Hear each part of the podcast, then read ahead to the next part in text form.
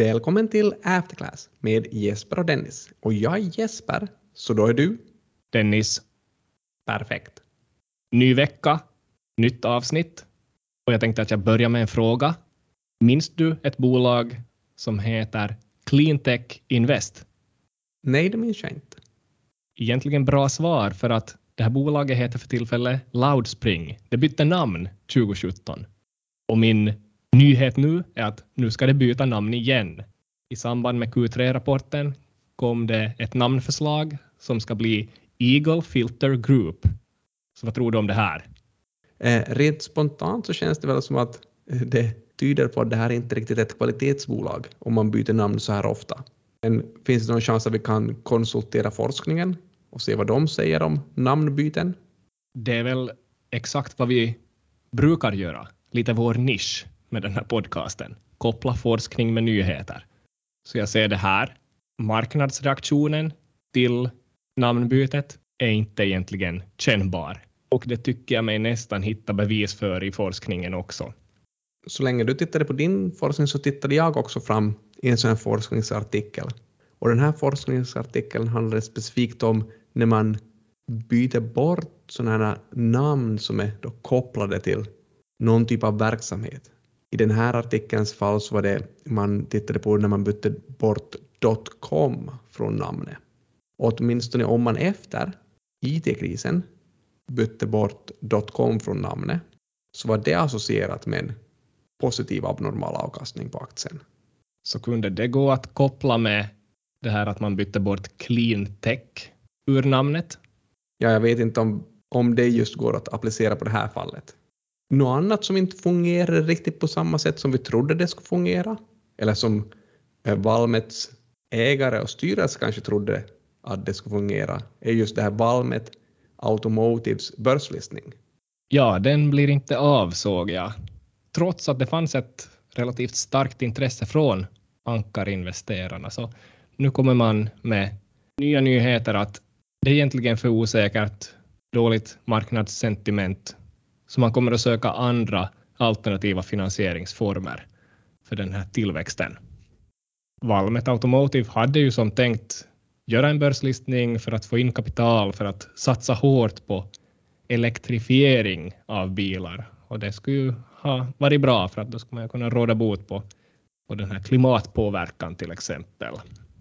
Ja, vi hade väl en ny rapport där det basunerades ut att temperaturökningarna har varit väldigt stora i Europa de senaste årtionden.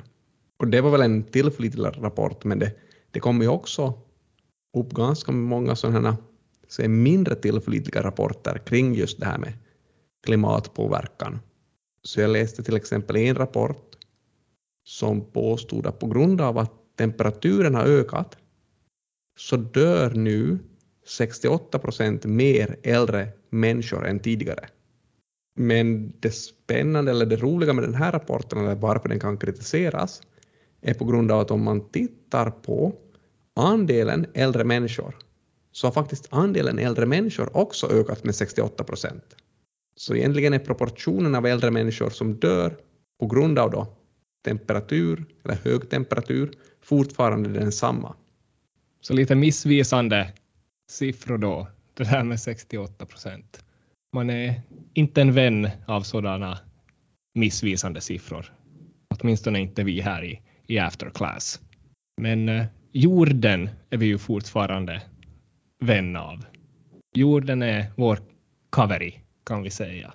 Men ett bolag som vi kanske inte ser på börsen i framtiden så är Caverion. För det kom ju ett bud här på torsdagen. Vad heter det här bolaget? North Holdings 3 vill köpa Caverion för 7 euro per aktie. Vad kan man så kort säga om det här då? 7 euro per aktie är ungefär ett premium på nästan 50 procent i relation till vad aktien var prissatt till före det här uppköpserbjudandet. Annat som man kan säga att det här North Holdings 3 så är ett bolag som då i princip får sina pengar eller stöds av familjerna Herlin och Ernroth. Så det lämnar i Finland på sätt och vis då ändå, om det här köpet går igenom.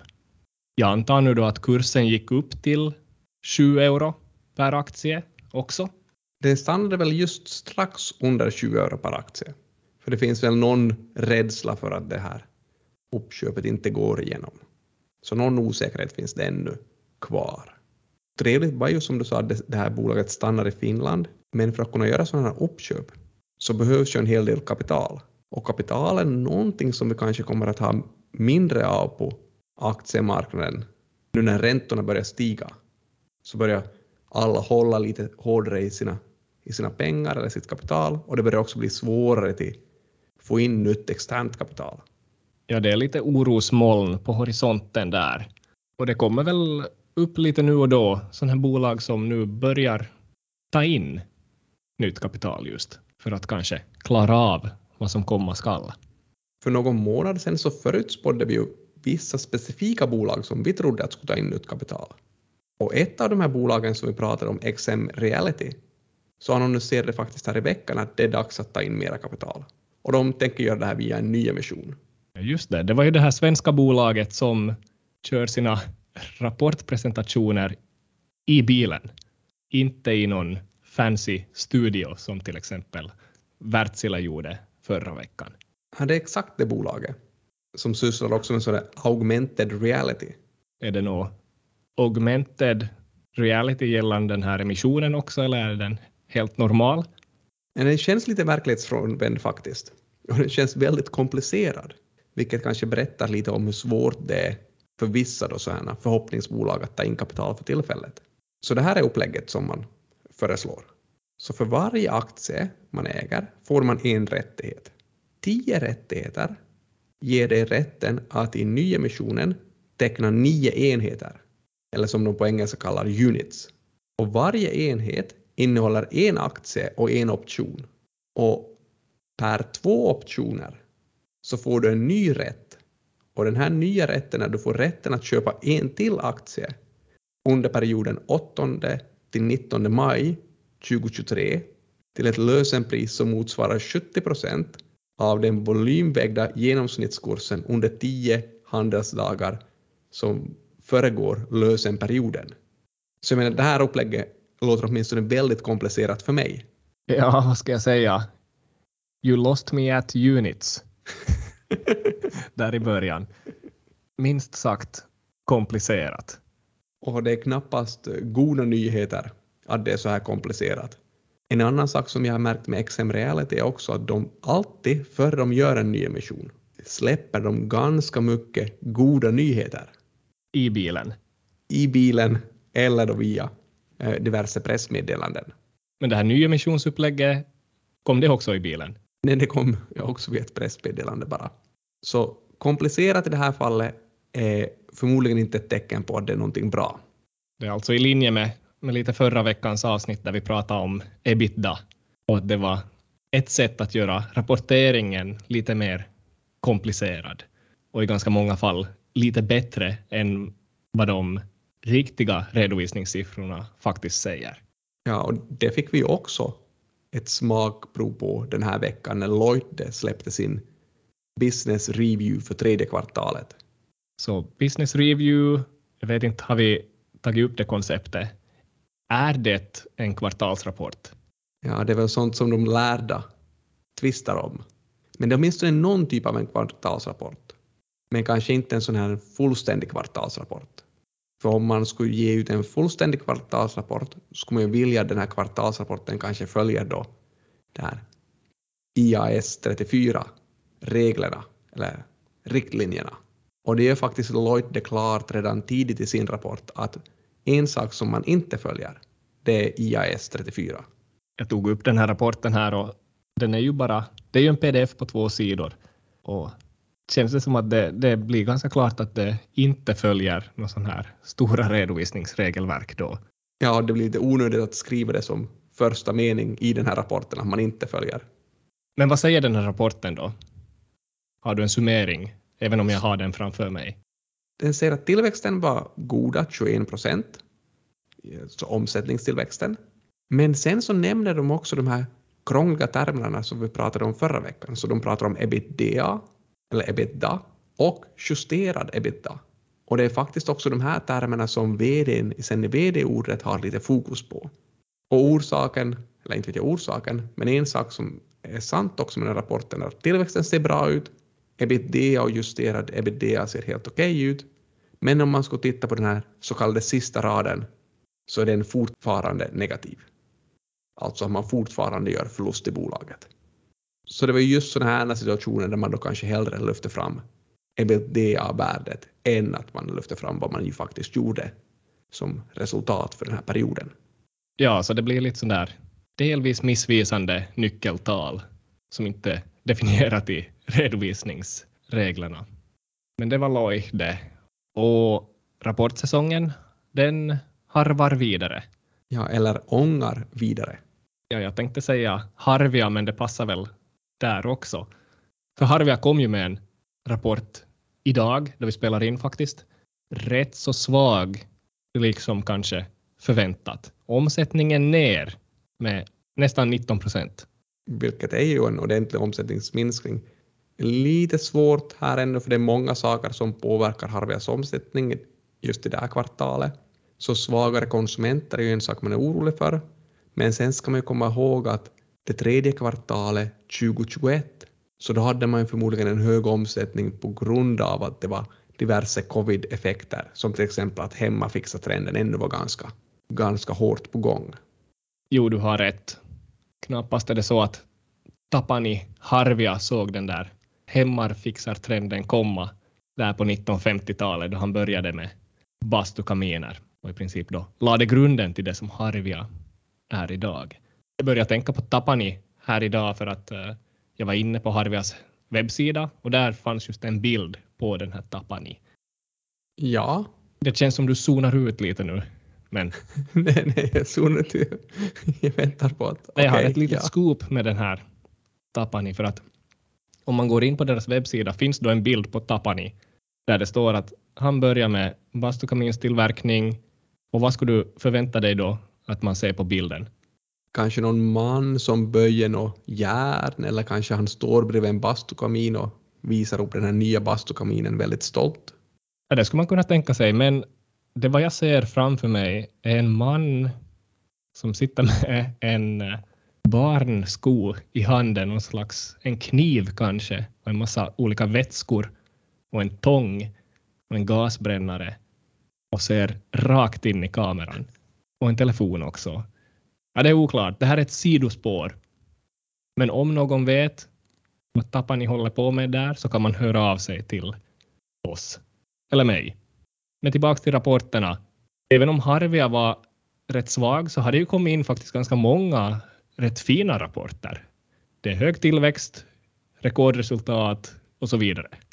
Ja, och man blir ju nästan lite förvånad. Om man tänker på Harvia som ett exempel på ett bolag med sällan köpsvaror, så kanske vi kan ta och titta på Kesko då, eller fundera på Kesko som ett bolag med de mer så här varor som man handlar ganska ofta. Hur ofta? Veckovis. Om man följer en sån här budget som kanske Matilda har hjälpt en göra upp. Ja, Matilda från Marta-förbundet. Hon gav oss mycket goda råd där tidigare. Men Kesko, är det så att Keskos kvartalsresultat denna gång var alltså ett rekord, men det har varit rekordtyp så länge man minns varje kvartal. Så hur länge ska det här fortgå? Man tänker sig att om aktiemarknaden får rätt och vi går in i någon typ av lågkonjunktur under 2023 så måste ju nog också Kesko få det svårare. Men än så länge så verkar det ju som om Kesko alltid lyckas föra över kostnaderna till sina kunder och de kanske lyckas föra över både de ökade kostnaderna och lite till till sina kunder. Så ökade kostnader kan alltså komma från bland annat inflation. Ja, inflation, stigande räntor till viss del, Kesko kanske inte har så mycket lån, men också högre uppvärmningskostnader och högre energikostnader då, som är en del av inflationen förstås. Men, men det som kanske Kesko har lyckats med just att de har lyckats då tack vare sin ledande ställning i sin, inom sin bransch så de lyckats just ta betalt också för de här ökade kostnaderna. Men så kanske de lyckas lägga till lite till på priset som de egentligen inte skulle ha behövt lägga till om deras mål endast var att så här, överleva som bolag. Så det är det här som kallas greedflation. Ja, det är alltid svårt att se om det är greedflation eller om det är på något sätt bara att Keskos ledningsgrupp och styrelse driver bolaget eller företaget på ett sådant sätt som maximerar värdet av företaget. För det verkar ändå som så att kunderna är beredda att betala det här högre priset som Kesko begär. Ja, det är ju faktiskt på, på senare tid har ju priserna gått upp, men ännu verkar det alltså inte synas i någon slags försämrad försäljning i det här fallet. Nej, men som vi nämnde så verkar det ändå som aktiemarknaden förväntar sig att vinsterna, omsättningstillväxten ska bli lägre då till, till nästa år eller vara klart sämre under nästa år. Och det här är väl någon typ av förutspåelse som vi också, också kan gå med på. Jag menar andra alternativet skulle vara att de här vinsttillväxterna bara fortsätter, eller att de fortsätter. Och i så fall tror jag också att arbetstagarna skulle förvänta eller kräva sig en större del av de här vinsttillväxterna.